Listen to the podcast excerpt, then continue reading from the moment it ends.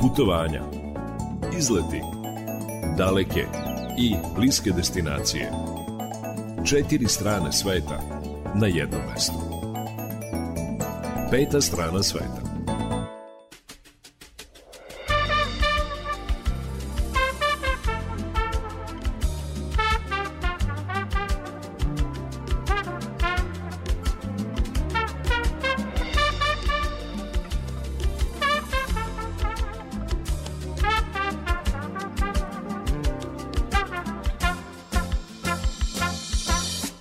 Dan, poštovani slušalci, dobrodošli u još jedno izdanje turističkog magazina Peta strana sveta. Svi oni koji vole turizam, putovanja, treba da znaju da će najznačajnija turistička manifestacija u zemlji i jugoistočnoj Evropi 44. Međunarodni sajam turizma biti održan na Beogradskom sajmu od 23. do 26. februara, tako da se pripremite, bit će tu first minute ponuda, pa ćete možda proći jeftinije. Ukoliko planirate svoje putovanje, svakako bi trebalo da prođete povoljnije. U ostalom, mi ćemo izveštavati sa tog sajma, pa ćemo vam preneti utiske, saznaćete kakvih povoljnih aranžmana ima. Kada je reč e, o našoj današnjoj emisiji, tema će nam biti Stopića pećina, velika turistička atrakcija na Zlatiboru. Bila sam tamo i snimila turističku razglednicu, veliki deo emisije posvetit ćemo tome. Zaista sam se trudila da vam dočaram kako izgleda ta pećina i zbog čega je ona najposećenija i najpoznatija u našoj zemlji. Nadam se da ćete to otkriti do kraja emisije. Kada reč o ostalim temama, najavit ćemo praznik Mimoze u Herceg Novom. Taj praznik Mimoze počeće u februaru, 17. februara, i trajeće sve do 4. marta, a mi taj praznik najavljamo baš sada zbog toga što oni koji planiraju e, da posete Herceg Novi u to vreme, trebalo bi takođe unapred da planiraju to putovanje i bilo bi dobro da znaju kakvih će to sadržaja biti na festivalu koji će ih animirati dok borave u tom primorskom crnogorskom gradu. Pred krajem emisije najavit ćemo jedan od najvećih sajmova vina u našoj zemlji. Reč je o Međunarodnom januarskom sajmu vina u Temerinu. Tamo možete pronaći veliki, veliki broj izlagača. Već sada su proglašeni najbolji, pa ako ste nestrpljivi možete da odete na Facebook stranicu društva Prijatelja Bašte i da pogledate koja su to vina najkvalitetnija i onda ta vina da degustirate sutra, jer sajem se sutra održava u hali sportova u Temerinu, kao što rekao smo. Za sam kraj emisije tu su i vesti iz sveta turizma, kao što ste i navikli. Do 18 časova traje turistički magazin Radio Novog Sada, a sa vama će ovoga petka biti muzički urednik Srđana Nikolić, majstor tona Violeta Marković, ja sam Irina Samopjan I volim da kažem na početku emisije, neka ovo naše putovanje počne. Well, this story starts before the end. We were driving east, heading home again. We had a few American shows starting in Chicago. Oh, it's such a long, long road.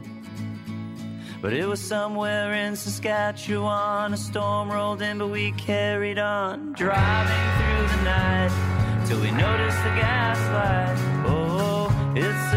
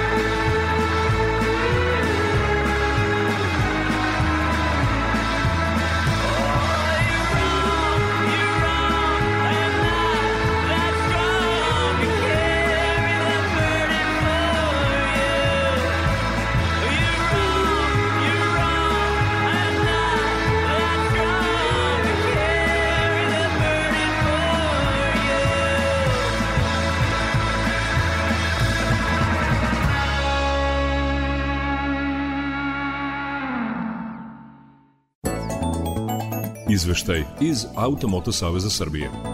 Pozdrav iz Automoto Saveza Srbije. Ministarstvo unutrašnjih poslova naglašava da će u cilju unapređenja bezbednosti saobraćaja policijski službenici saobraćene policije sprojiti mere pojačane kontrole. Upozoravamo vozače i na promenu vremena koja nas uvodi u dane sa zimskim uslovima vožnje u kojima će zbog kiša, povremeno i snežnih padavina kolovoze u nižim pedalima biti mokri.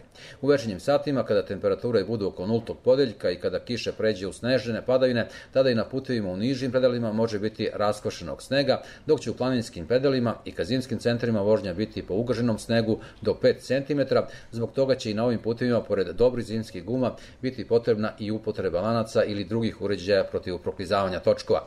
Razlog za pažljivijom vožnjom su i deonice uglavnom lokalnih puteva u centralnim i zapadnim krajevima u kojima je prohodnost teža zbog obilnih mešovitih padavina prethodnih dana, a izlivanja pojedinih reka i potoka, jer su na pojedinim mestima ostali nanosi zemlje i mulja na kolovozu. Odroni su sada prisutni, zato obratite pažnju i na ovu opasnost. Iz javnog preduzeća Putevi Srbije apeluju na vozače da poštuju ograničenja u brzini predviđena za zimske uslove i u vremenu snežnih padavina. Zbog snežnih padavina saobraćaj je usporen na području Sremske Mitrovice, Šapca, Loznice, Valjeva, Divčibara, Prijepolja, Nove Varoši, Ivanjice i Sjenice. Na putevima u planinskim predalima ovih područja obavezna je upotreba lanaca, a na pojedinim je uvedena i zabrana saobraćaja za kamione sa prikolicom i šlepere. Prilazi zimskim turističkim centrima su prohodni, međutim saobraćaj se na njima odvija usporeno zbog snega na kolovozu. Na prilazima Koponiku saobraćaj je usporen zbog snega na kolovozu, ali i zbog učestalih povremenih odrona. U predstojećem vikendu saobraćaj može biti povremeno pojačan i na najfrekventnijim graničnim prelazima. Prema posljednjim informacijama dobijenih od uprave granične policije na našim putničkim terminalima nema dužih zadržavanja. Iz Automoto Savjeza Srbije javlja se Jovica Mitić, vozačima želimo srećen put. Vremenska prognoza za putnike. E sad još da čujemo i kakvo će vreme biti ovih dana možda da napravim uvertiru u razgovor sa Mijedragom Stojanovićem, našim meteorologom koji radi u Republičkom hidrometeorološkom zavodu. Veju, veju pahulje, mraz po staklu šara, stiže nova godina, a odlazi stara. E, malo smo zakasnili za te stihove, dakle nova godina je stigla, a nama evo tek sada snega, Dakle, nismo bili u prilici da uživamo u toj novogodišnjoj, u novogodišnjoj noći u snežnoj idili. drže, dobar dan, ja znam da vi volite snežne padavine i panoramu sa belim pokrivačem po krovovima ili po krošnjama, svejedno je. Dobar dan, Irina, pa to jeste da lepo izgleda ovaj, iz kuće, iz toplog, toplog stana, ali napolje kad se izađe to tako bljuzgalo, barem ovde u Novom Sadu, to, to su bare, blato i sve ono što nije baš u skladu sa, sa, sa lepim delom zime. Pao je taj mokri sneg, tako ga zovemo yes. kolokvijalno, e, što znači da se neće dugo zadržati, ali opet ako bude padao videće se sigurno na krovovima, a biće u tom najlošijem izdanju na kolovozu i na trotoaru. Šta sad da radimo? Da li će biti snega ili kiše e, i narednih dana, kako će vreme biti? Pa biće, sve do utorka e, će često biti padavina, mogu da budu malo, malo mešane pa malo u vidu snega, a boga mi biće i kiše, tako da ovaj, neće baš biti prijatno na ulicama. E, temperatura se kreće tu negde od 0 do plus 2-3 stepena, Ba, ali, uh, kako da kažem, to je onaj uh, ružni deo zime, nije onaj lepi deo zime kad je fini mraz, lepo, pa i to snega što padne ostane, zadrži se lepo, nego ovo će baš biti onako, e. uh, da, da sedi čovjek u kući. Tako je kod nas u Nizi, a sad samo još za kraj ovog razgovora da čujemo kako je na planinama. Prošli put smo govorili o tome da skijaši, turisti otkazuju aranžmane, nema snega na planinskim vrhovima, međutim on je pao prošlog yes. vikenda i sad kakva je situacija, šta se dešava, e, da li će on ovih dana padati i na planinskim vrhovima? Hoće padati na planinama sigurno. Po poslednjim informacijama na Kopaniku je 44 cm snega, Zlatibor je daleko manji, tamo ima desetak centimetara, a ove ostale su sve stanice koje, koje nisu zanimljive za o, za skijaše. E, I sad u, sve tamo do utorka će biti tamo padavina i očekuje se da, da ta o, količina snega bude i do 40 cm novog snega. Kome se ne sviđa kako je vreme u nižim predelima, neka se uputi na planine, ako mu se putuje po ovom vremenu, Tako meni baš i ne. E, a sada ću da vas pitam, jeste li bili u Stopića pećini? Nisam, to sam sad čuo ovaj, da, da, se, da se reklamira, da će biti u ovoj emisiji jeste, priča jeste, to o toj pećini. Mm -hmm. I to, to je, onda, to će biti o, jedno od mesta gde, gde ću sigurno tići. Tako je, ko ode na Zlatibor, stvarno nije daleko od tog turističkog centra Zlatibora, kažemo, e, tako se zove to mesto gde je gondola, gde su sve te zgrade, gde je ta zlatiborizacija i to će nam biti jedna od tema emisije, ta prekomerna izgradnja. Dakle, od tog centra Zlatibora svega 19 km je Stopića pećina i stvarno je za turiste ona najpoznatija. Ima mnogo lepih pećina u našoj zemlji, ali eto, ta je najpoznatija.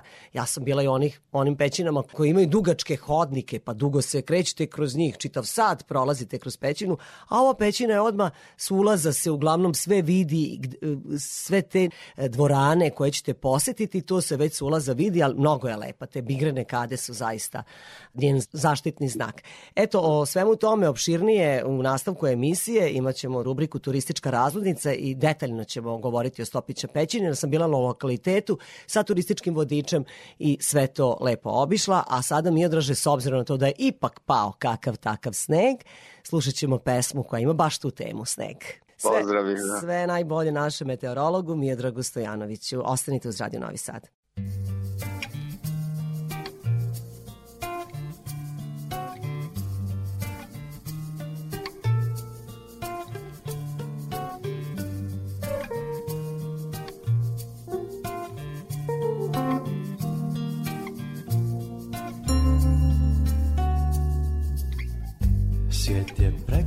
prekrio snijeg Danas je praznik, ti je ostao sam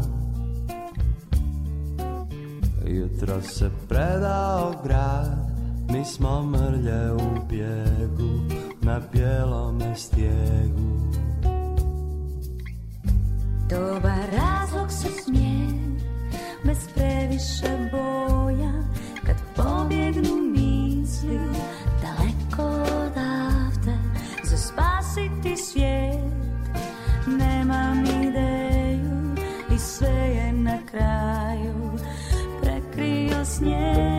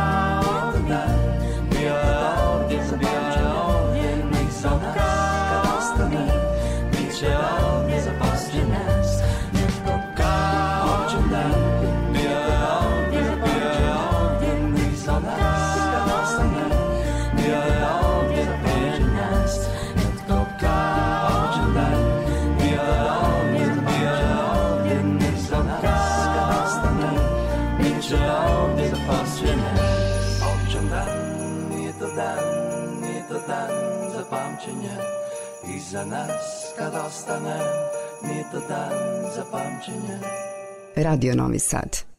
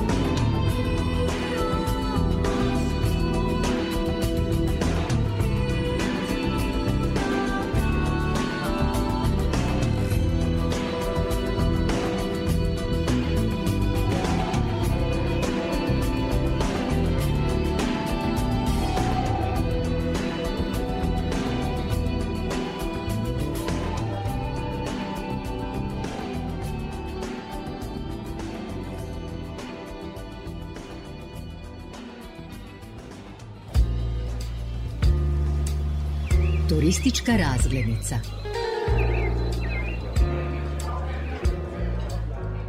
Jedan od najposećenijih turističkih lokaliteta u našoj zemlji je Stopića pećina. Od svih pećina u našoj zemlji koje su otvorene za turističke posete, ona je turistima najinteresantnija. Naravno, kada sam bila na Zlatiboru, nisam je zaobišla, s nestrpljenjem sam želela da vidim kako ona izgleda.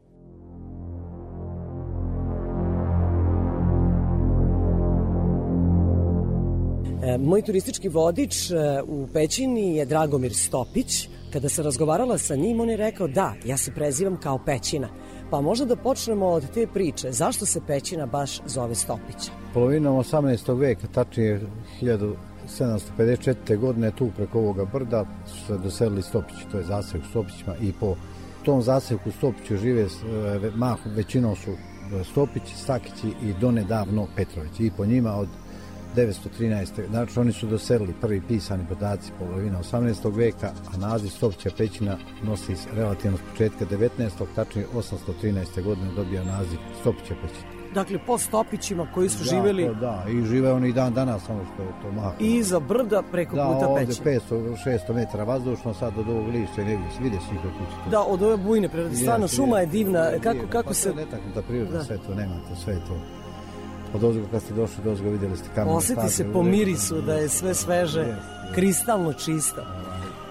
E, Dragomire, prvo šta nas dočeka to je ovaj ogroman otvor ulaz, ulaz u pećinu i kažu da je on jedan od najvećih ulaza u, u pećinu u našoj zemlji. E, sad ću vam jako malo pojasniti. Visina je 18 metara, širina je 35 metara, oko, to je znači podnožaj. E, površina je negde oko 650 do 700 kvadratnih metara, površina. Najveći ulaz u Srbiji, a možda i, i dalje, možda i u regionu, po površini ima ovaj ulaz, ovaj ogroman ulaz. Međutim, na 10. kilometru Užice Požega ili Užice Beograda, Potpećka pećina koja ima najviši ulaz. Potpiska pećina je 50 metar, najveći u Evropi, a ova je i po, druga u Srbiji 18 metara visina, znači nema, nema veći. Ovo je ostavski Prvo ide Potpećka po visini ulaz, a onda- Ali onda po površini ovaj ubedljivo veći, a može i u, re- u regionu, jer ovo je ogroman ulaz.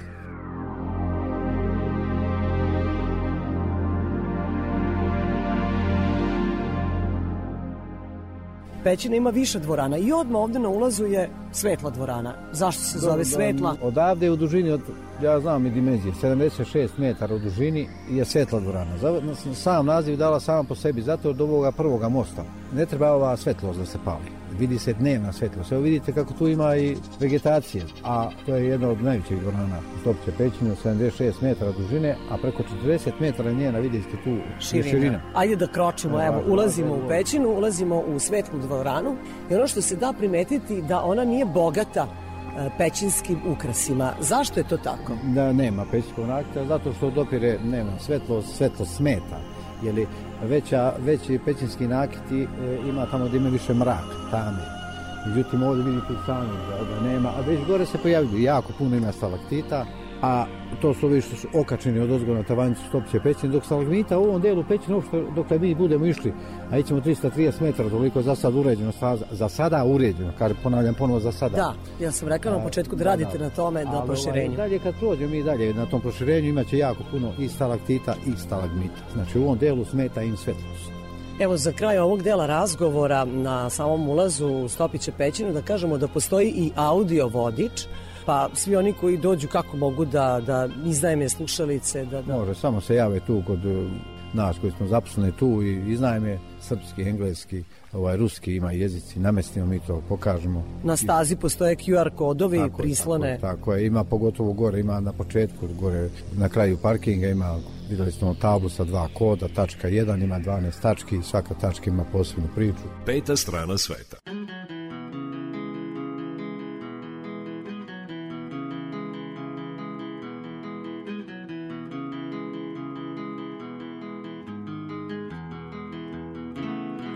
It's empty in the valley of your heart. The sun it rises slowly as you walk away from all the fears and all the faults you've left behind. The harvest left no food for you to eat. You cannibal, you meat eater, you see. But I have seen the same. I know the shame in your defeat. But I hope and I won't let you choke on the noose around your neck. And I'll find strength in pain and I will change my ways. I'll know my name as it's cold again.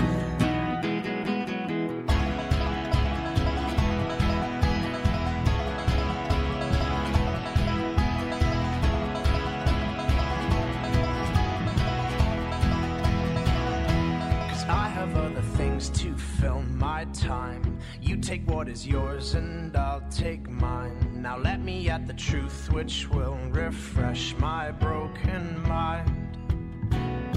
So tie me to a post and block my ears. I can see where those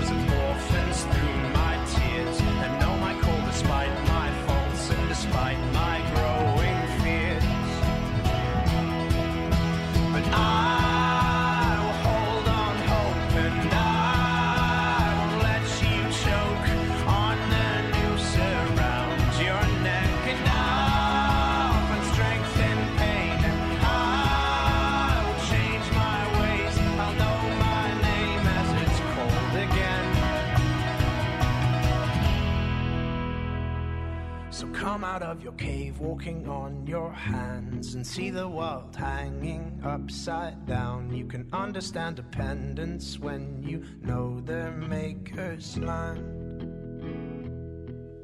So make your sirens call and sing all you want. I will not hear what you have to say, cause I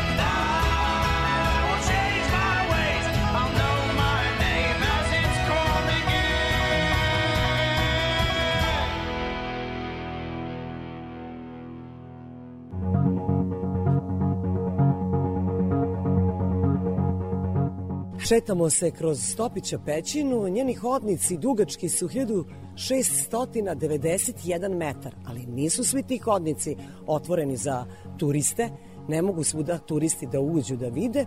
Mi se šetamo onim hodnicima koji su namenjeni za turističke posete. Sada smo došli, u stvari prilazimo tamnoj dvorani, već su sada ova svetla e, koja osvetljavaju stazu kojom se krećemo jača, jače sijaju, a moj turistički vodič je Dragomir Stopić, dakle on se preziva isto kao e, i što se pećina zove, objasnili smo na početku zbog čega je to. Po čemu je karakteristična ova tamna dvorana? Sad smo upravo, upravo stupili u tamnu dvoranu. Ona je na velikoj visini oko 25 metara prepuna stalaktita. Dakle, tu već kreću pećinski ukrasi. Prepuni, tu ima na hiljade, na hiljade stalaktita, ali i dalje nema ovde stalagmita. Znači, a, pojasnio sam, ovo je rečna pećina. Stalaktiti su ukrasi sa vrha tavanice što vise, a stalagmiti od ozdo. Razlog što ih nema tu je velika vlaga, Ovaj reka, ovaj ponor, Trnavski potok ili ponor zna da ide levo desno, skida ih, jednostavno ne zna da krenu od ozdo, samo iz tog razloga, a ovo je šljunak, tako da ne može da krene, jednostavno ne da im ova voda.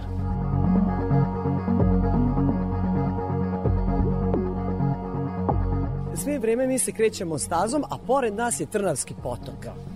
2014. godine ovdje je bila ogromna poplava, sjeća se da- da, ovaj, po celoj Srbiji regionu i onda je nama istaralo dole šljunak kao ovaj ovde, znači to su bili čitavi ambisi. Mi smo to rešili na vrlo jedan prost i vrlo specifičan način. Stavili smo ove ustave gde se preliva, vidite ovde voda i iz tog razloga što ova voda dolazi van pećine. Prvo, ne da da nam ako ne ide neka poplava da nam tera ponovo iskroni ovaj šljunak, a drugo, ovo niveliše, ovo već je se ovo nivelisalo, znači malte ne ravna je pećina i to nije prirodno. I samo da ponovim, 330 metara ima staza i to jedino su radili ljudi i to jedino nije prirodno. To važi za sve Ta staza kojom se krećemo, da bismo mogli lakše da se Dakle, infrastruktura nije prirodno, sve ostalo jeste. Ovaj potok zna da bude i kako divlji, sad je on miran, sad je on mali. Inače, ova pećina je prosek 25,5 metara, njena visina, to je jedna od najvećih pećina u regionu po visini dvorana, vidite sami. Ček, u tamnoj dvorani je najveći strop. Da, da, ali prosek je, kažem, o- o- 18 metara je dole ulaz, ali onda dalje vidite koliko je tu visina. Da, ovde, ovde je 27,5 metara, ovde baš na kraju tamne dvorane, ova visina, ovde ima i više da su je kade, sad ću vam ja nešto pojasniti o kadama.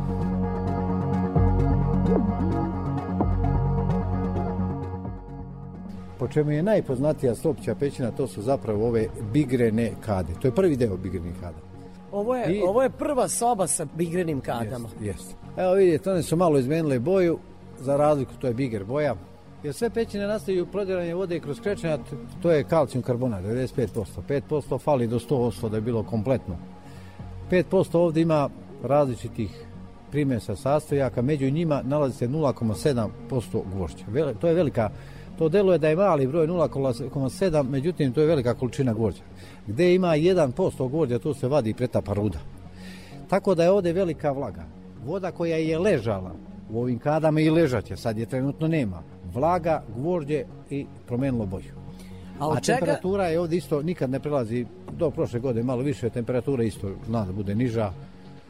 Kolika je temperatura u Pa pećini? sve, ovo- je najtoplija pećina leti, najhladnija pećina zimi. Sad je ovdje oko 12-30 stepeni, ako ne znam, nisam sve, ali 12-13 stepeni, dok je voda jedno 30 A stepeni. zimi koliko je? S- opet sve, ova pećina zavisi sve šta se dešava napolje. I od temperature unutra i od, i od, ovog, i od vode. Jer voda prvo dolazi van pećine, ovaj Travski potok ne izvire unutra pećine, nego van pećine. Van 3 km ponire, ulazi kroz jedan sočvasti otvor, ide tih nepunih 1700 metara, što ste vi malo prije rekli, 1690,5 metara. I sve zavisi koliko padavina, veći nivo, veći nivo, lepša pećina, premda i ona sad fantastična pećina, jeli mi kad smo otvarali peću nismo vodili računa da li će imati stalno vode, ali bolje je kad ima vode. Ne, lepše, atraktivnije je kad ima vode, kad je napolju sneg i kiša, da, da, onda je jest. e, viši potok, Tako onda, onda tako se sliva voda niz bigrane kade.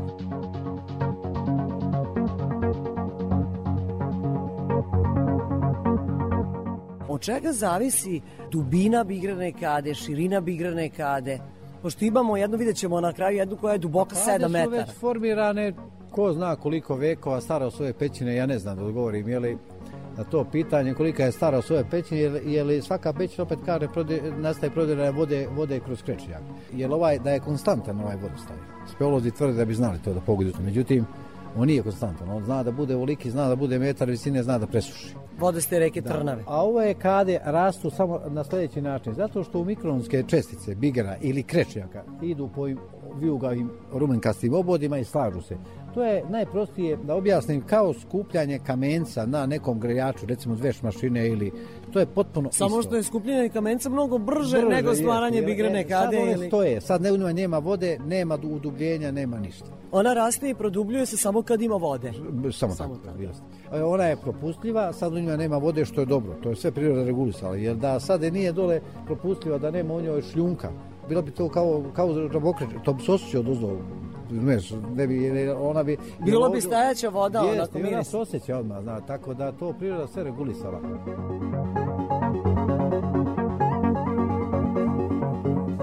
Ovo je najduža kada, 12, znači ima jedna kada od 12,5 metara, nju znam, negdje oko metar 60 je, to je najduža. A U prvoj sobi s Da, bigranim da, kadama, da, se nalazi ta najduža. Ovdje ima negdje preko 250 kada, dubina 10-15 cm, do dubine to su je prve male na početku, što je logično i doći do jedne kade koja je 7,5 metara, 7,20 je Da, da, sedam je dubina, da. jedva čekam da vidim, ali ima u njoj I vode? u njoj ima, u njoj evo ima, sad da. možemo i da krenemo gore.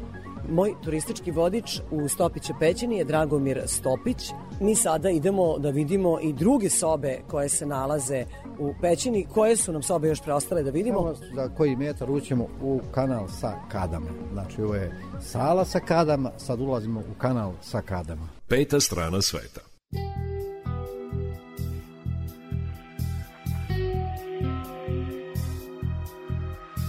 Pamtim mesec maj Kada je stavila jabuku U moje oko.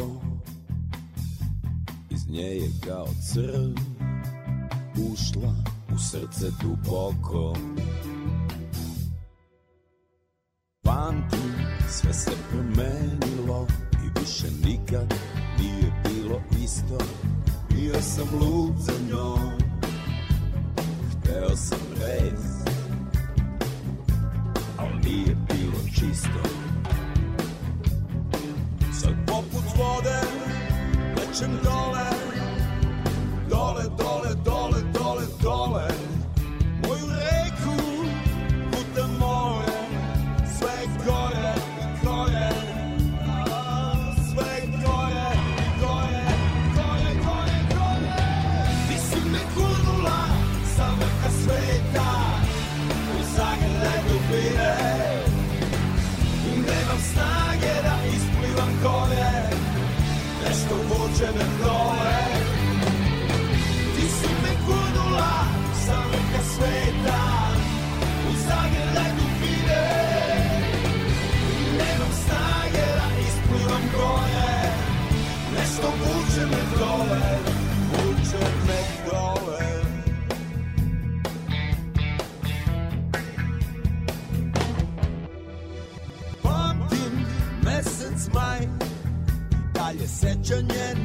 baci me u njeno oko Gladan kao crv Krišu zavirim duboko. Poput vode nečem dole Dole, dole, dole, dole, dole.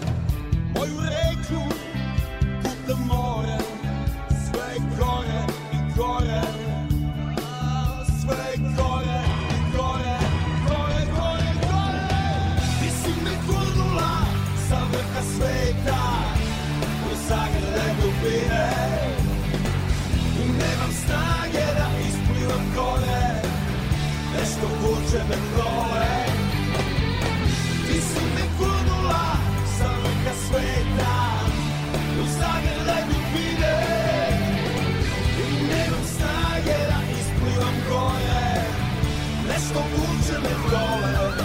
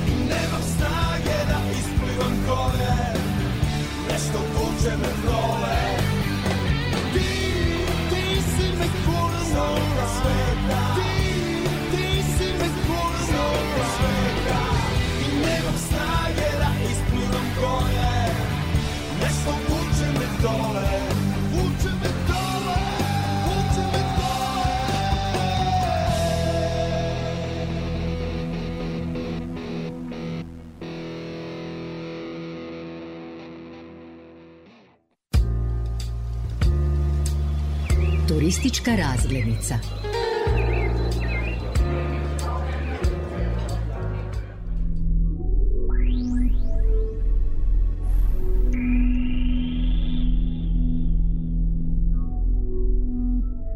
Gospodine Stopiću, da li je vaša pećina kružna kada je reč o kretanju kroz nju? Znači, ni mi se moramo vratiti istim putem. Samo napred, nazad, nema, nema kružno, bilo je to nekih ideja, međutim nije to uspelo. Mislim, ovako može i bolje.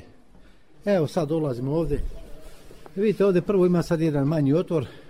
Razlog što je ovako mali i posle gore sve vidi, vidjet ćete vi tu, gdje prvo nismo htjeli da rušimo, to radi bezbednosti, a i ne smemo. Ovde je sve prirodno, znači ne sme ništa se radi. I pod zaštitom je pećina. Do normalno prve kategorije. Ova prva kada koju sad mi ulazimo, ovaj rečni, ovaj kanal sa kadama je prva kada je duboka 2 metra. Svaka narodna kada je veća. Sve dublje i dublja. Jeste, ova malo nije, a ova već gore je preko 4 Da, metra. ovo je veoma atraktivno, ali mi sad iz visine možemo da gledamo bigrane kade kako one u stvari Da. izgledaju. Šteta je što nema vode, ali evo crtava se sve tamo otprilike gde je Da. crno da ostane. Gde, gde je bila, dokle je dolazila voda? Ovdje ima jedan podatak iz 1927. godine s leve strane na samom ulazu neko se potpisao STR, verovatno inicijali, evo tu stoje, verovatno inicijali, pa je se taj po dobro pozabavio, jer je on po mraku tu ušao, jer ovdje nisi mogao da kako je prešao na ovo, ne znam. Da, a vidi se da ima lep rukopis. Jeste. Znači, to su neki ljudi koji su obitavali u pećini dok ona još nije bila otvorena za turiste. prvi pisani podaci Velibor Vasović, 901. godina, veliki naš naučnik i tvorac moderne speologije Jovan Cvić, 909. 913. godina, profesor dr. Radenko Lazarević, 84. do 87. godine su ispitivali u pećinu.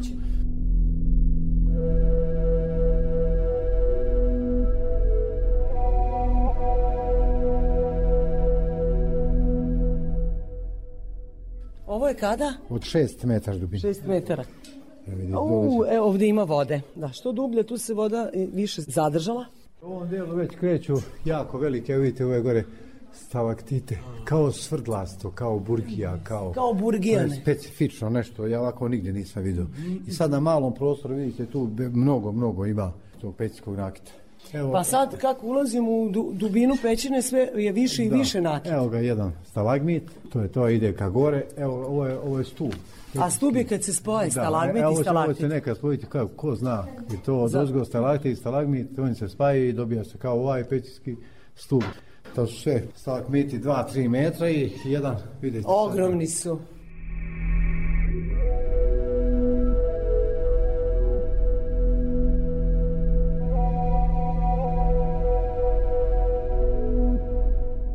E, šta je Je. sad ovo? Gde smo došli sad? je turistička organizacija Zlatibor, lokalna uprava opština Čajetna je, smo radili ovo iz razloga zbog ove kade. Jer ima što šta da se vidi. Ova kada je, verujte, 7,5 metara duboka. Da ste izgleda zaista predivno. Pre je možda jedno, došli u Ronjevci, neki dolaze tu, gledali da su snimali. I su ronioci zaranjali? Jesu, jesu, jesu. I šta kažu, šta ima, jel ima nekog Pa ništa, sveta? Nema ništa, oni su podvodnog? Bili, dole bili su skoro sat vremena tu. Na, Zaronjeni? Na, na sajtu, da, da, da se vidi. Ovaj stalatit vidite, ja mislim da većih stalatita u Evropi nema, evo, šest metara, evo gore, gore kažu prečeg metar, ima više. Jeste. Prečega debljina. Evo, ono, 30 cm je uronjen u tu kadu.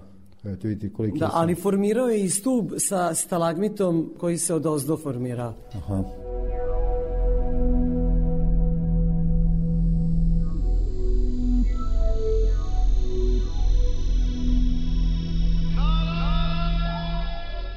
Proleteo To je slepi miš, iznad naše glave i ja se nisam uplašila. Ništa. Ima ih Svašta. Puno, ima ih puno, ali oni beže tamo ovaj, sa svetla. Tako Ali da, oni neće, neće na čovjeka, jel da? Ne. Oni, Neće oni kosu, ko što se ne, ma ja, to vodiči vole da pričaju. Kako, Kao da kako- malo naprave strašniju Ma je, turu, da. Kako kosu, tako da. Evo, to da malo Evo, možemo. Gde sad mi se vraćamo nazad, jel? I ovdje, vidite, ovdje malom prostoru, ih 50-60, ogromni stalaktita preko 2 metra. Jeste, zaista su. I moramo da se saginjemo i da se provlačimo između njih. Ovo je bio drugi tok Trnavskog potoka, znači prvi je išao gore, da sam rekao pokovnik, a vidite gore ova sedla. To je ponornica, je namenja, gleda kuda je lakše, kuda je... Da prolazi, Da, da. da prolazi, tačno. Znači, ta reka Trnava je tekla gore Da, iznad naših glava, a da. sad, sad teče dole. Da. Promenila je tok. Promenila. Radio Novi Sad.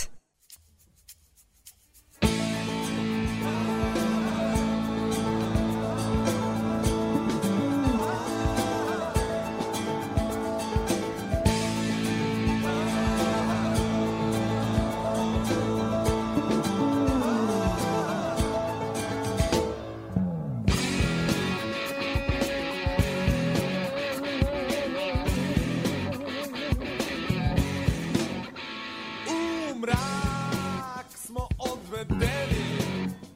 U mrak smo stigli preplašeni Mesec je podivljao na nama Zvezde su se sakrile od nas. Kostir nam je rastavila zima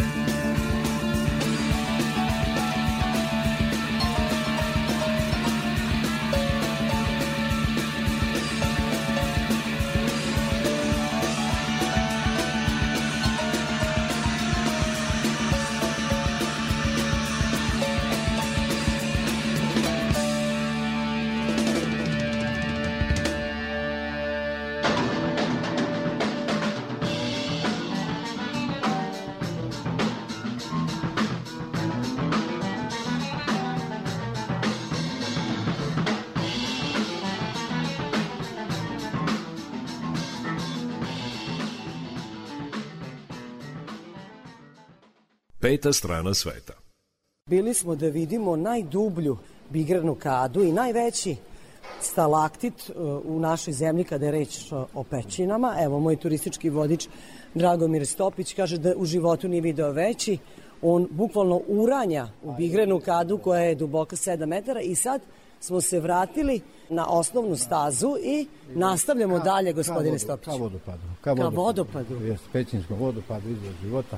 Je li ima, izvor života se zove, ali ima sad vode s obzirom to da nema padavina na polju, šta će nas tamo dočekati? Pa sad ćete vidjeti, nije to jak vodopad, sad ću vam ja kad priđem ovde na licu mesta, sad imam 5-6 cm, 10 A sad ću ja vama reći da nama to možda i odgovara zbog radova koji će se desiti tu. To su oni najavni koji ste vi mene dole rekli. Na početku što sam rekla da, Da. će se proširiti Da, da, 55 za turiste. metara, 55 metara, sve je spremno, samo se će dobije čovjek i na tenderu, treba da počne da radi.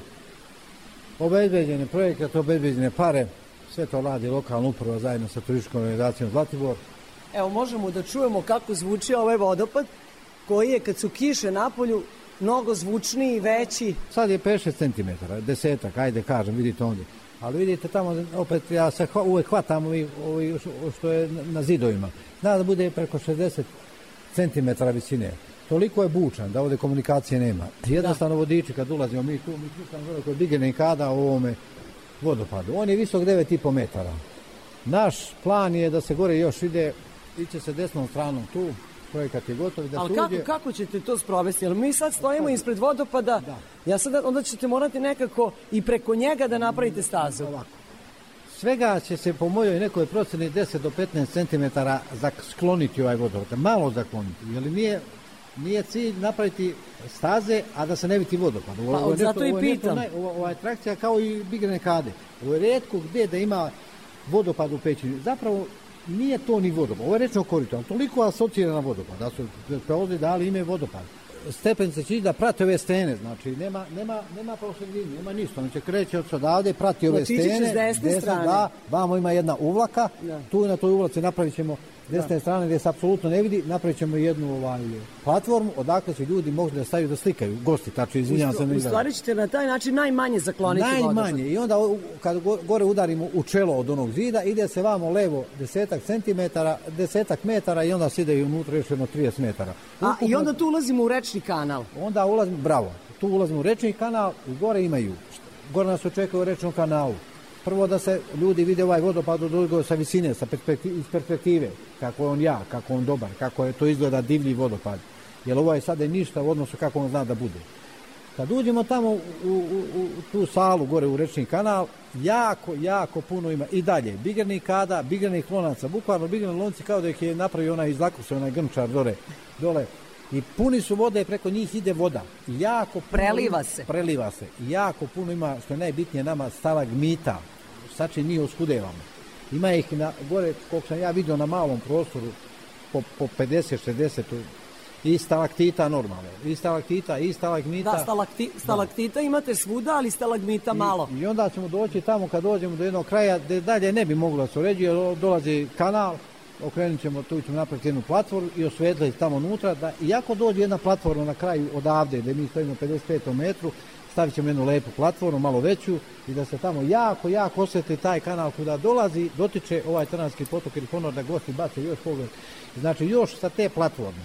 Gosti će da vide, jer će biti jako osvetljena, još će vidjeti tamo 50 metara kuda dolazi tamo je malo juže, e tamo i dalje ima jako puno pećinskog nakita.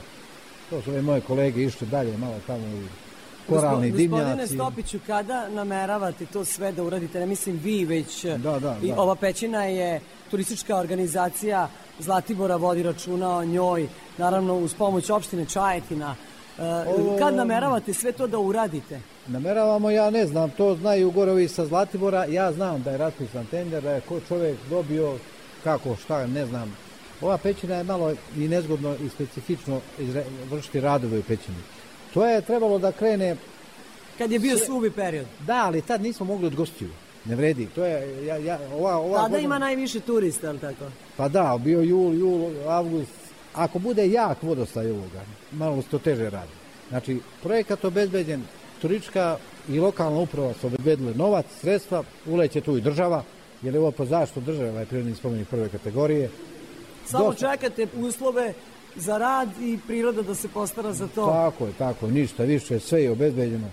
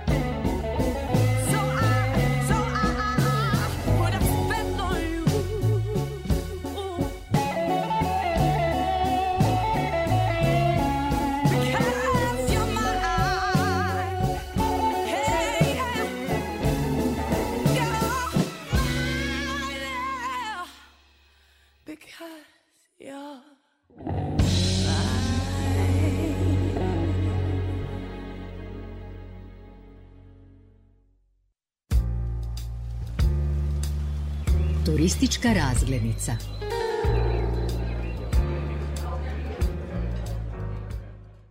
Dragomir Stopić mi je turistički vodič kroz Stopića pećinu. Gospodine Stopiću, meni je veoma zanimljivo da su samo češki speleolozi 1983. i 1984. uspeli da prođu sve hodnike, da pećinu od početka do kraja obiđu.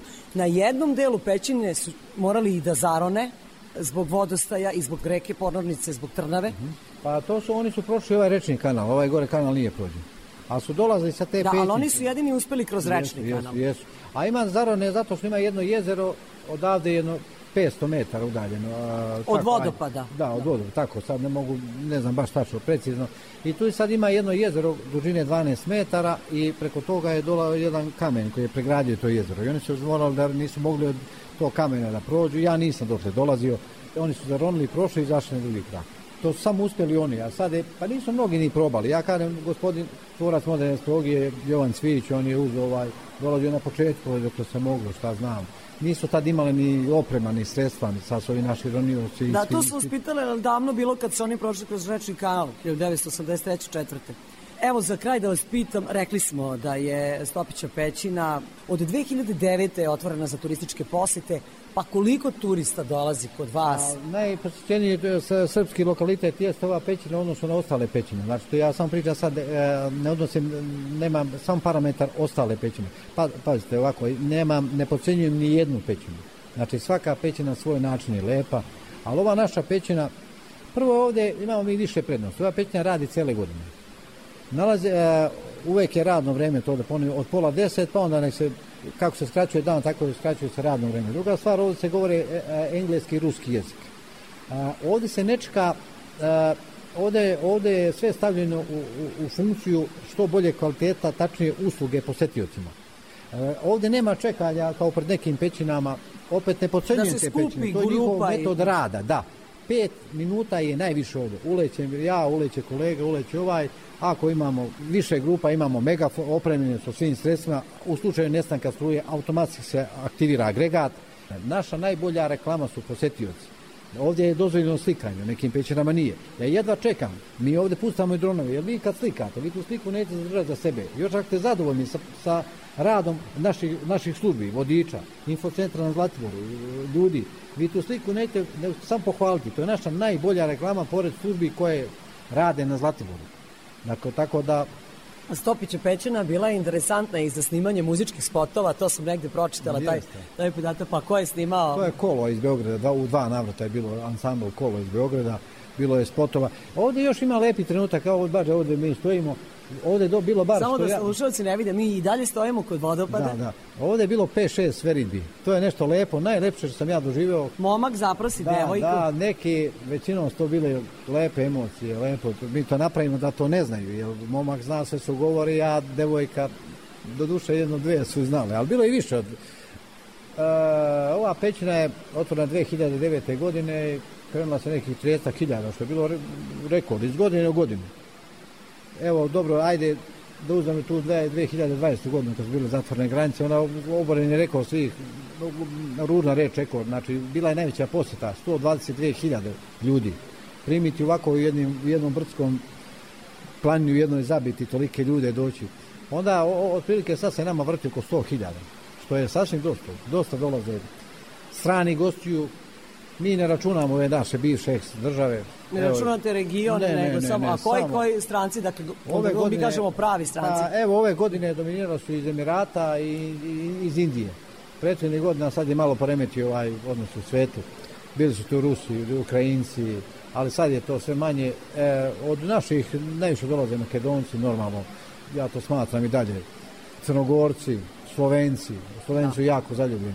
I naravno, stanovnici Srbije. Koliko god mi pričali ovde, znači dok ne dođete i ne vidite kao ove lepote Stopića pećine, veliki otvor, Viglede, to je Vigled, ono što sam ja rekao da je ona Siporska kupa, ovako ogromne dvorane, ovako prelep vodopad, ovako bigrene kade, kogod ja pričao o ovim kadama, to dok vi ne vidite, svojim očima, kao što ste vi videli, to ne može da se dočara nikako, nikako. Ako slušalce Radio Novog Sada zanima detaljnije da saznaju kakva je Stopića pećina, onda nek dođu na Zlatibor, nek dođu do vas, to nije daleko. Koliko je od centra Zlatibora? to sam zaboravio, ovo je samo još ovo da dopunim, ona se nalazi na jednoj izuzetnoj lepoj lokaciji, gde mora se napravi jednodnevni izlet, a to je sledeće. Sa Kraljevog trga do parkinga Stopića pećine ide se od 19 km. Videli ste kakav je put, to je najbolji put u regionu. Idete peške netaknutom prirodom svega 250 metara, vi ste na ulazu. Obiđete pećinu koja traje otprilike oko pola sata. Nastavite sa parkinga 4 km do sela Sirogojna. Mi to zovemo selo Sirogojna, to je prelepo jedno turističko mesto sa etno selom. Muzej, to je etno Muzej selo, na otvorenom. mu- mu- Muzej Pletilja, po čemu je proč, najčuvenije Sirogojno, gde su se naše te vredne e, žene, sad ih je sve manje, školovale svoju decu. To je znači pročulo se po tim muzeji Pletilja. Imate crkvu Svetog Petra i Pavla. Od Sirogojna svega 10 km su udaljeni gostiljski vodopadi. Gostilj je selo gde se nalaze vodopadi. Onda vidite tamo kako ima sadržaj. Onda nastavite put sela Ljubiša. To su najlepši predeli Zlatibora, Previja, to su borave šuma koje se njišu. Izladite na magistralu. Etno selo Boškova voda u I Ljubišu. tako je, obavezno i nju to ima, pa ima gore pećinar, to je dobra riba, pa ima i širogojnu tih dobrih restorana, onda izađete kod jedan magistralni put Beograd-Podgorica je samo levo, to je Vodice, hotel Lovaca, levo jedno kilometar i po dva je kaubojski grad. Znači to može sve da se obiđe u jednom danu. Znači da napraviti fantastičan jedan izgled. I sve informacije ponavljam, to je vrlo bitno. Možete dobijete na infocentru turističke organizacije Zlatibor. Prva zgrada bele boje sa kružnog toka, s desne strane, policijska stanica i onda dolazi. Oni rade od 8 što je najbitnije za posetioce da odu u gore da se informišu. Gospodine Stopiću, hvala vam što ste bili naš turistički vodič, ponavljam još jedan kroz Stopića pećinu i što ste nam objasnili šta je sve vredno posetiti, evo ovde oko Stopića pećine, šta sve možemo u jednom danu da vidimo, hvala sve najbolje. Drago mi je bilo i pozdrav vašim slušalcima i da se vidimo tu u pećinu. Peta strana sveta.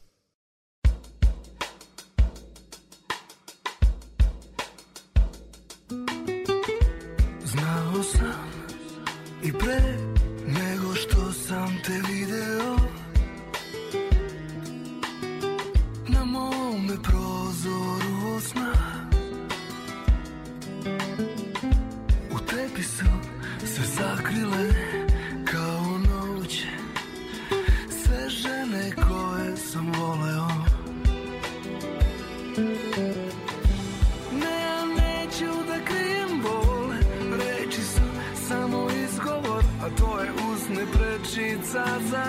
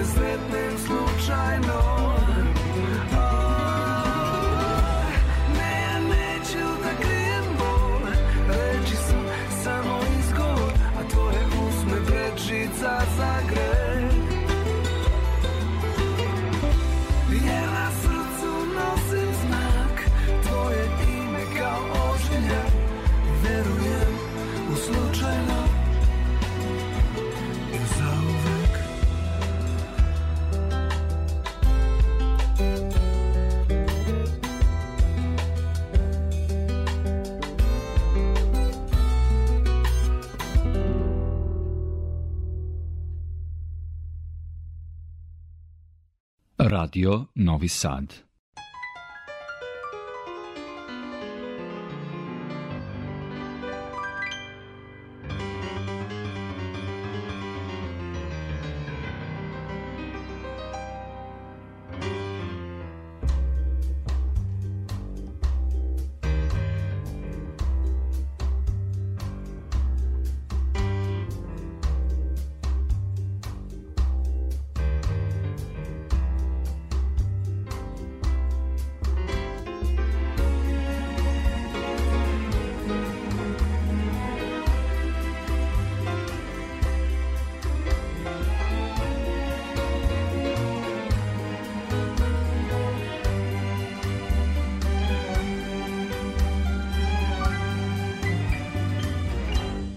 So far away,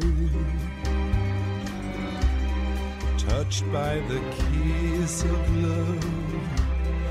No words can say, but one kiss is not enough. Bring me to you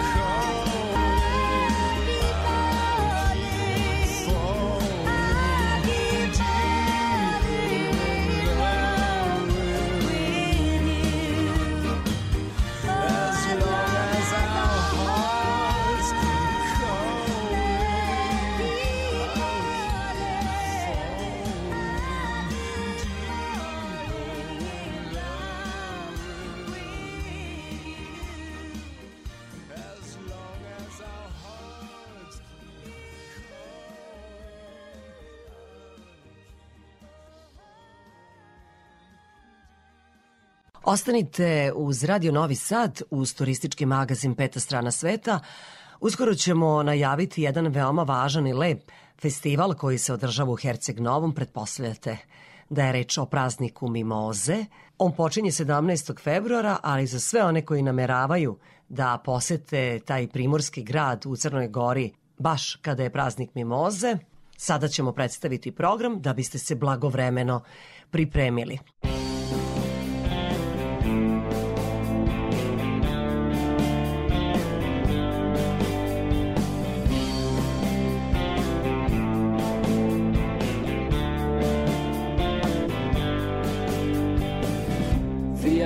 Staš odmah kresnu Meni lice sretno bljesnu.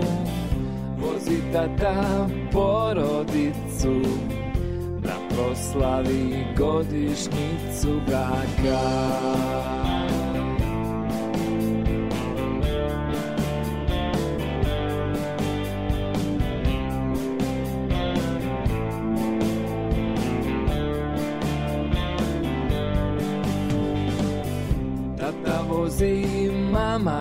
teba.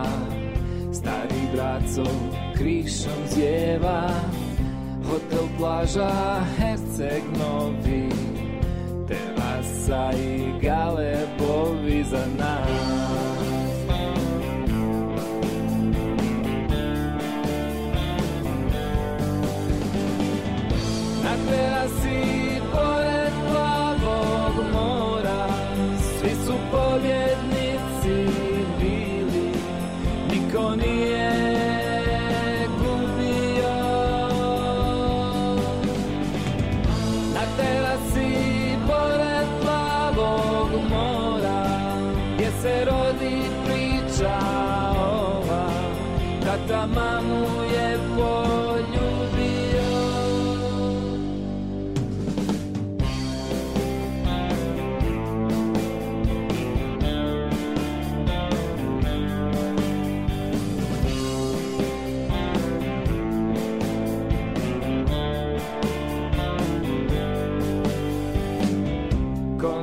Sa brkovima Naručbu s nervozom prima.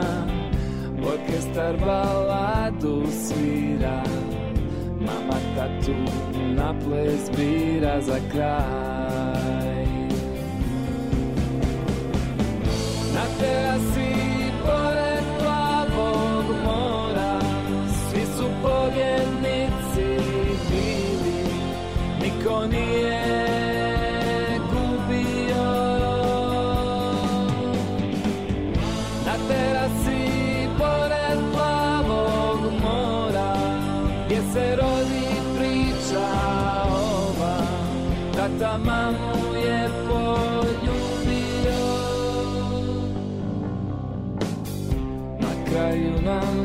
tata reče Nije ovako svako veče. Naručite šta vam prija Nikad beg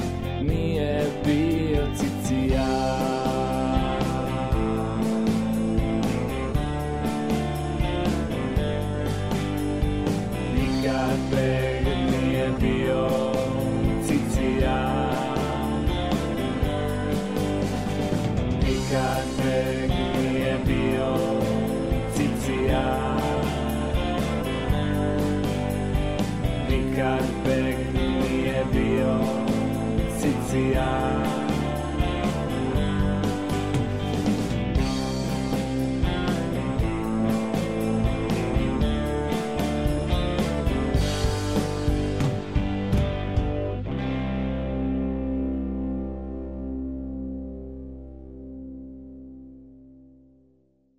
Novom Sadu, u centru grada, uz mažoretkinje koje su prolaznicima delile grančice mimoze, predstavljen je program 54. praznika mimoze koji će biti održan od 17. februara do 4. marta. Tom prilikom potpisan je sporazum između praznika Mimoze i Novosadskog festivala Exit, koji, kako kaže gradonačelnik Vojvođanske prestonice Milan Đurić, podrazumeva održavanje dana Novog Sada u okviru tog poznatog Herceg-Novskog praznika. Jedan dan je Exit, drugi dan je i Zvonko Bogdan i bit će tu i nekog malo džakonija gastroturizma iz Novog Sada. Razgovarali smo i o budućoj saradnji promociji Herceg Novog u Novom Sadu. Ponudili smo kao grad Novi Sad da u kulturnim stanicama Novog Sada koje smo mi napravili u okru Evropske predstavnice kulture da se promoviše Herceg Novi u narednim danima, da osmisle predstavnici Herceg Novog programe i da te prostore damo na korišćenje i promociju našeg uvek bratskih drugara i prijatelja iz Crne Gore i nastavljamo, kažem, dalje saradnju u okviru i kulture dalje, a i u okviru privrede. Bićemo vrlo, vrlo, vrlo počastveni što smo i pozvani i što ćemo otići kao delegacija Novog Sada na 54. dane Mimoze, konkretno na dane Novog Sada, da uveličamo taj događaj za opštinu koja, evo, čuli smo da bude po 30-40 hiljada ljudi po danu, što je stvarno fantastično i jedna lepa promocija regije. Predsednik opštine Herceg Novi, Stevan Katić, rekao je da Herceg Novi i Novi Sad već dugi niz godina baštine iskreno prijateljstvo. Ovo je već e, peti ili šesti put da smo mi dakle u Novom Sadu na promociji praznika Mimoze, posebno iz razloga što veliki broj dakle novosađana prisustuje i dođe ovaj u Herceg Novi na praznik Mimoze i, što je najznačajnije što je po prvi put dakle potpisan taj sporazum između praznika Mimoze i Exit festivala da taj taj najznačajniji festival Novosadski, ja mogu slobodno reći najznačajniji festival ukupno koji Srbija ima će se predstaviti u Herceg Novom i to će biti Exit Mimoza 2023. I mislim da će ta saradnja da se uspostavi dugoročno po ovim komentarima i tako koje čuje, da će veliki broj ljudi da dođe, a posebno turističkih radnika i turističkih operatera da su već uglavnom za sve vikende bukirani smještaj i da su kapaciteti već popunjeni, što me takođe raduje. Praznik Mimoze u Herceg Novom organizuje turistička organizacija Herceg Novi, opština Herceg Novi i javna ustanova kulture Herceg Fest. Berba mimoze je tradicionalno jedan od najposećenijih događaja u Crnoj Gori i regionu. Za 16 dana, koliko će trajati praznik mimoze, biće priređeni zabavni, muzički, gastro, kulturni, deči i sportski programi. Rekla je Bojana Živković iz turističke organizacije Herceg Novog, najavljujući program festivala. Počinje 17. februara i trajeće sve do 4. marta. Svečano otvaranje 17. februara uh, sa koncertom Marije Šarifović o Igalu, a zatvaranje će biti 4. marta kada će nastupiti Toni Cetinski. Naravno, ovim koncertima će prethoditi defile sjajnih mažoretki naših, uh, gradske muzike Herceg Novi, mjesne muzike Đenović, trombonjera, šarena povorka, tako da ovaj, uh, očekujemo zaista spektakularno i otvaranje i zatvaranje. Što se tiče uh, drugih fešti, najviše pažnje privlače autentične fešte kao što je Picigin, koje možete samo doživjeti u Herceg Novom, uh, Skalinada, zatim Trka Karića, uh, tradicionalna fešta mimoza ribe i vina u Baušićima, odnosno na Hercegnovskoj rivijeri koja kreće od Kumbora, povorka kreće od Kumbora, Đenovića i glavna manifestacija u Baušićima gdje će nastupiti ove godine Ivana Negativ, Đorđe David, a žurka se nastavlja kasnije u Đenovićima gdje će goste i novljane zabavljati grupa Galijem. U večernim časovima uh, imat ćemo prvi, gdje će nastupiti Nikola Rokvić, uh, Adi Šoše i lokalna grupa Egzodusi, tako da sigurno tu će biti zaista, uvijek se traži karta više i jedna sjajna atmosfera, te ove godine imamo i drugi maskimbal, 3. marta kada će nastupiti legendarna Neda Ukraden. Dok je većina regiona i Evrope pod snijegom, kod nas je sunčano u februaru, cvjetaju mimoze, tako da a, mislimo da se ova turistička propaganda treba nastaviti u buduće, a, posebno zato što u zimskim danima jako je bitno da ljudi a, dožive taj duh Mediterana i fešte i da se a, raduju dolasku proljeća. Praznik Mimoze održava se u Herceg Novom od 1969. godine. Mirisni žuti cvet Mimoza potiče iz Australije, a u Herceg Novi su ga doneli bokeljski pomorci. Zbog pogodne klime, mediteranskog vazduha i više od 200 sunčanih dana u godini, taj cvet je ubrzo postao široko rasprostranjen u tom primorskom crnogorskom gradu.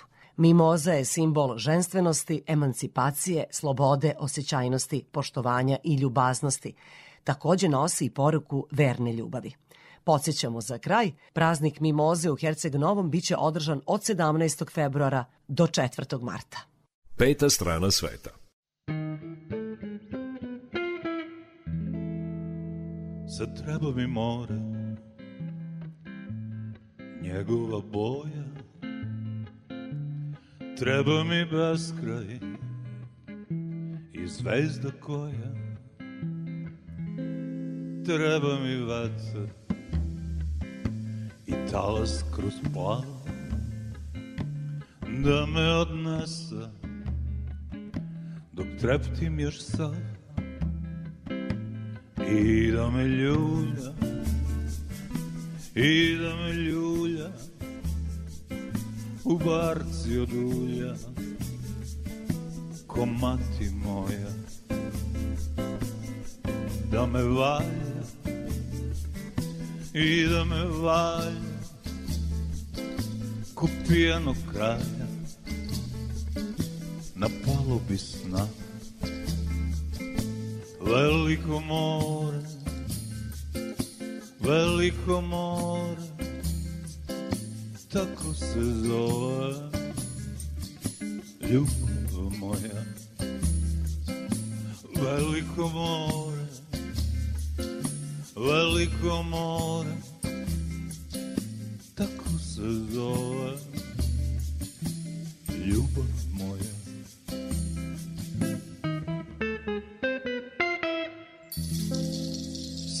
mi kuća Na oboli toj. Treba mi mir tu Da ostanem svoj. Treba mi nebo I žena što zna. Da šapuće sreću Toplim usnama. I da me ljulja I da me ljulja U barci od ulja Ko mati moja. I da me valja I da me valja Ko pijano kralja Na palubi sna. Veliko more Veliko more Tako se zove. Ljubav moja Veliko more Veliko more Tako se zove. Ljubav moja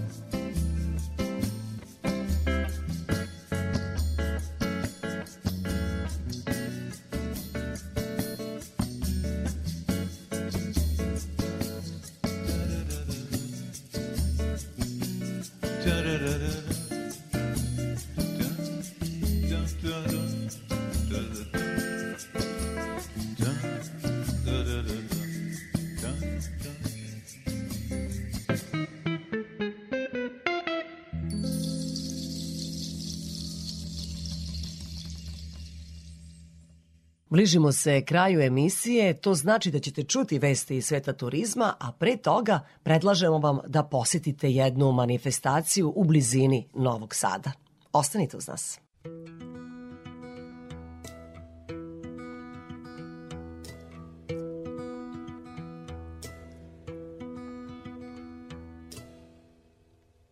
My lady Dapanville, why do you sleep so still? I'll wake you tomorrow, and you will be my fill. Yes, you will be my fill. My lady Dapanville. Why does it grieve me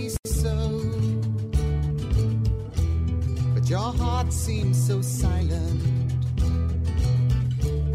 Why do you breathe so low? Why do you breathe so low? My lady Dabanbi. Why do you sleep so still? I'll wake you tomorrow and you will be my fill. Yes, you will be my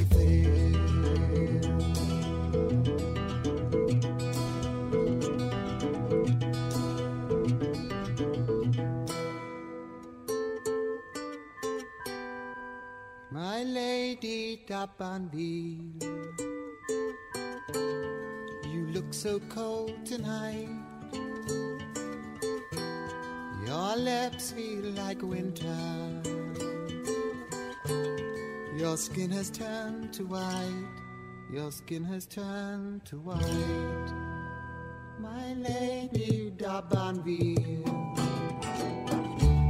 why do you sleep so still? I'll wake you tomorrow, and you will be my fill. Yes, you will be my fill. La la la la la la.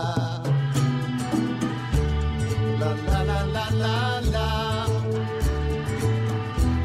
La la la la la la. La la la la la la. La la la la la la. lady Dabanville. Why do you greet me so? But your heart seems so silent. Why do you breathe so low?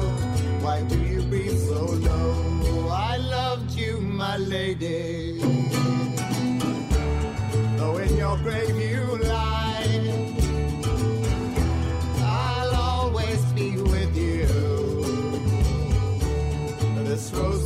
never die. This rose will never die. I loved you, my lady. Though in your grave you lie, I'll always be with you. This rose will never die. This rose will never die.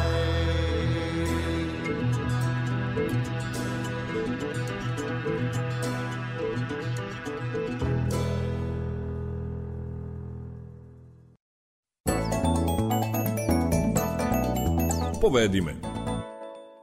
25. januarski međunarodni sajam vina u Temerinu održava se sutra.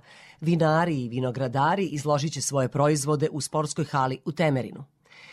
Tamošnje udruženje Društvo prijatelja bašte uz podršku turističke organizacije opštine Temerin i opštine Temerin organizuje Temerinski sajam vina koji je poznat kao jedan od najvećih sajmova vina u Srbiji gde se prikupi oko 700 uzoraka vina, a sama degustacija bude jedna od najposećenijih vinskih manifestacija u zimskom periodu. Ko će izlagati na ovogodišnjem sajmu vina? Za Radio Novi Sad govori potpredsednik društva Šandor Šnajder.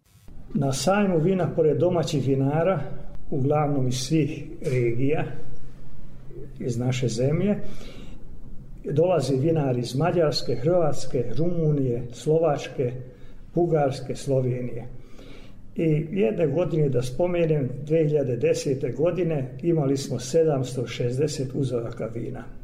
Dolaze oko 80 osinjivače vina, ra, znači radimo u 12 do 14 komisija možemo sastaviti. E, komisije su pomešani sa našim stručnjacima i stručnjacima iz Mađarske, iz Slovenije, iz Hrvatske, znači onako sede zajedno, neki znaju da pričaju, koji ne znaju stavimo prevodioca, znači tako jedno međunarodno ovaj, ocenjivanje vina. Mogu da kažem, ono što sam već spomenuo, da 25. sajam vina će biti ove godine, znači jedna ljubilarna godina i, i prvi sajam vina je bio međunarodni. Zašto? Naši vinari su saceli, nekoliko njih probalo vina i onda kaže što ne pravimo ovaj, takmičenje. I došao jedan kolega iz Seksarda, jedan vinar došao, donio svoje vino i vino iz Seksarda i zato kažemo da je prvi međunarod, prvi sajam vina u Temeru već bio međunarodni. A sad i da ne pričamo iz koliko zemalja i ocenjivači, jako bitno i uzorci koji dolaze. Svi koji ulaze u sali bez ulaznice mogu da probaju to vina. Znači ima neka sitna kotizacija. Obezbijedili smo za svakog ko ulazi u tu salu da može da proba i onaj ko ima za jedno pivo u kafanu može da proba 3-4 uzoraka vina, znači svakom je omogućeno. Predaja uzoraka počela je 11. januara, a oni koji nameravaju da degustiraju vina na Temarinskom sajmu mogu već da vide na Facebook stranici Društva prijatelja bašte čija su vina nagrađena i da sutra procene odluke sudija. Da vam kažem da ovi stručnjaci vinari uglavnom oštampaju taj spisak i dolazi sa spiskom i tako ide označeno koji vino žele da probaju, da li belo vino, roze vino, crveno vino, voćna vina i ostalo. Znači tako ide i to kažem da je struka jako strogo obezbeđena, da mogu da vide iz cele, celog Karpat okruga koja su vina stigle i probaju druga vina, znači od drugih vinara, probaju vina da imaju svoje mišljenje. Najveća gužva negde oko dva sata, svi onda stižu, i onda podela diplome i posle degustacija do negde do uveče, ne kasno u noć, nego do uveče, jer ako kasno u noć ostavimo, onda to se neko napije, tu već dolazi do, do svačega, znači sasvim u korektno vreme, svi imaju dovoljno vremena da probaju ta vina. Na degustaciji na 25. januarskom međunarodnom sajmu vina koji se održava sutra u Temerinu, organizatori očekuju oko 2000 posetilaca. Peta strana sveta.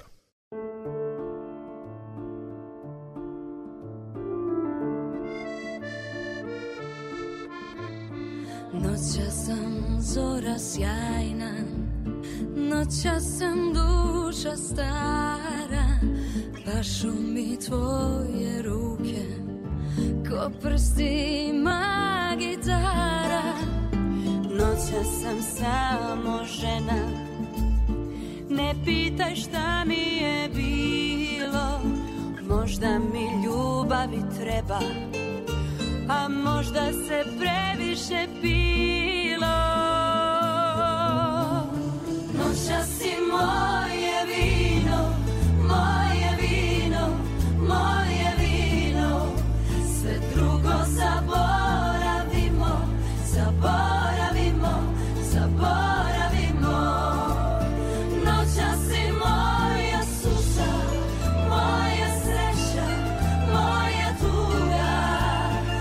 Sve što imam A sutra nek te ljubi druga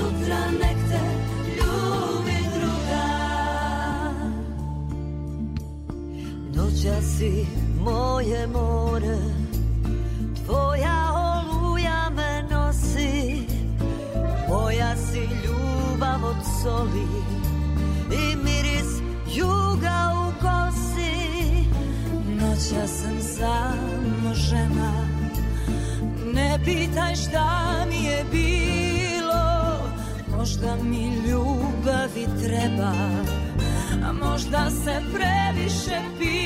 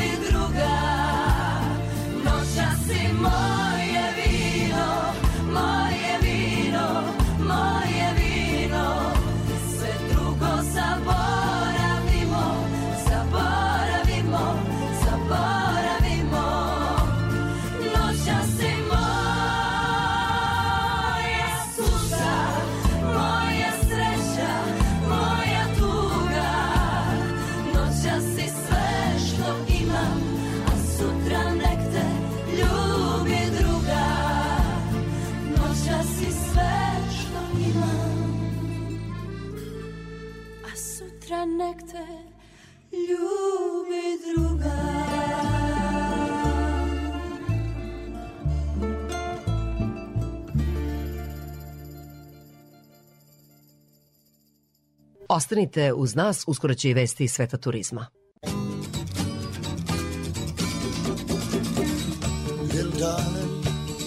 It's been a long, long, lonely winter.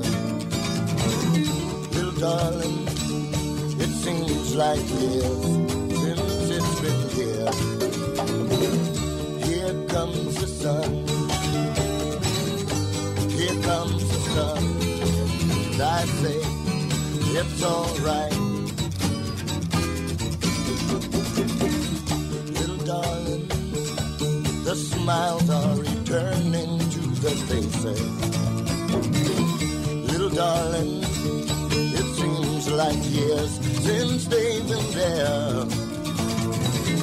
Here comes the sun. Here comes the sun. And I say, it's alright.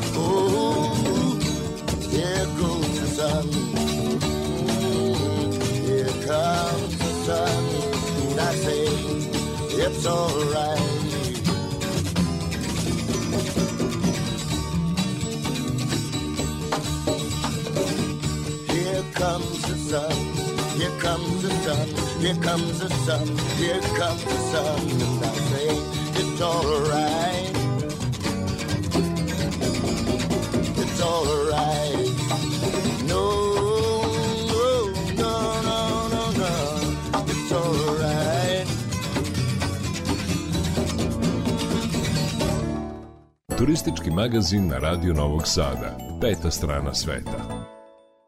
Evo i vesti iz sveta turizma.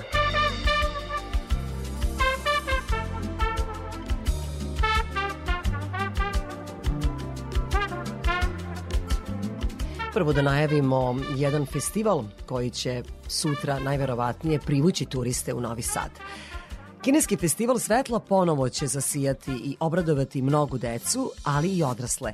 U Limanskom parku u Novom Sadu, ali i na Sava promenadi, ispred galerije u Beogradu, od sutra pa do 5. februara biće instalirani svetlosni lampioni kojima se tradicionalno već pet godina obeležava proslava kineske nove godine u Srbiji a sve to na inicijativu našeg umetnika Slobodana Trkulje, koji već godinama radi na kulturnoj razmeni Kine i Srbije. Trkulja, kreativni ambasador Srbije sa grupom Balkanopolis, uživa izuzetnu popularnost u toj najmnogoljudnijoj zemlji na svetu.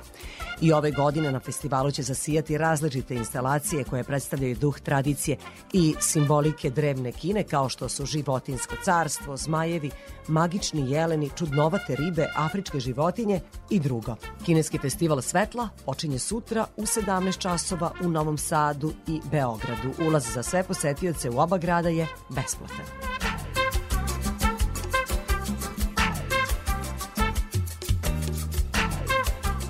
Ko ima najjači pasoš? Odgovor na to pitanje pronašla sam na Tanjugovom sajtu. Na najnovijoj listi zemalja i teritorija rangiranih po snazi pasoša, Srbija je formalno zauzela 38. od 109 mesta Države su rangirane na osnovu broja zemalja za koje vlasnicima određenog pasoša nije potrebna viza, državljani Srbije. Bez vize mogu da uđu u 136 zemalja, isto kao i prošle godine. Od zemalja bivše Jugoslavije najbolje je rangirana Slovenija na 11. mestu, budući da njeni državljani mogu bez vize da putuju u 182 zemlje. Hrvatska je na 18. mestu, pošto vlasnicima njenog pasoša viza nije potrebna za ulazak u 174 zemlje. Sa pasošem Severne Makedonije moguće je ući u 125 država bez vize, što tu zemlju dovodi na 44. mesto, a jednu poziciju ispred je Crna Gora sa mogućnošću ulaska u 124 zemlje bez vize. Na 49. mestu je pasoš Bosne i Hercegovine. Njihovi državljani mogu da uđu u 118 zemalja bez vize.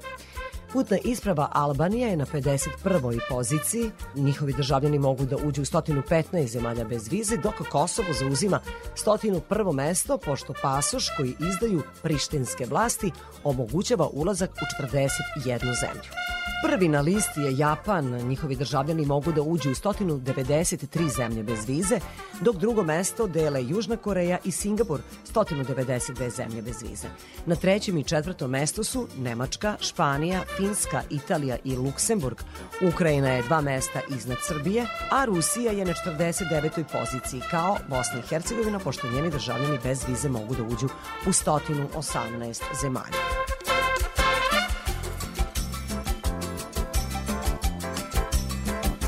Gde je danas najbezbednije živeti? O tome piše turistički magazin. Dosadašnja praksa da prva mesta na listi budu rezervisana za azijske gradove poput Tokija, Singapura i Osake promenila se. Od ove godine evropski grad zauzima prvu poziciju. Kopenhagen je prvi put proglašen za najbezbedniji grad na svetu. Iza njega sledi Toronto, a Singapur i Tokio su na trećem, odnosno petom mestu. Na četvrtom se nalazi Sidney. U Kopenhagenu se kontinuirano radi na poboljšanju sigurnosti građana što se ogleda u niskoj stopi kriminala, urbanoj sigurnosti i preventivnom delovanju vlasti.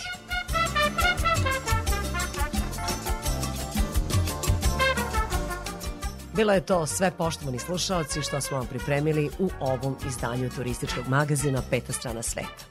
Podsećam vas, u 18 časova su naše najnovije vesti, a potom i naša najstarija muzička emisija Randevu sa muzikom. Sa vama su u ovom turističkom magazinu bili muzički urednik Srđan Nikolić, majstor tona Violeta Marković, ja sam Irina Samopjan i želim vam srećan put.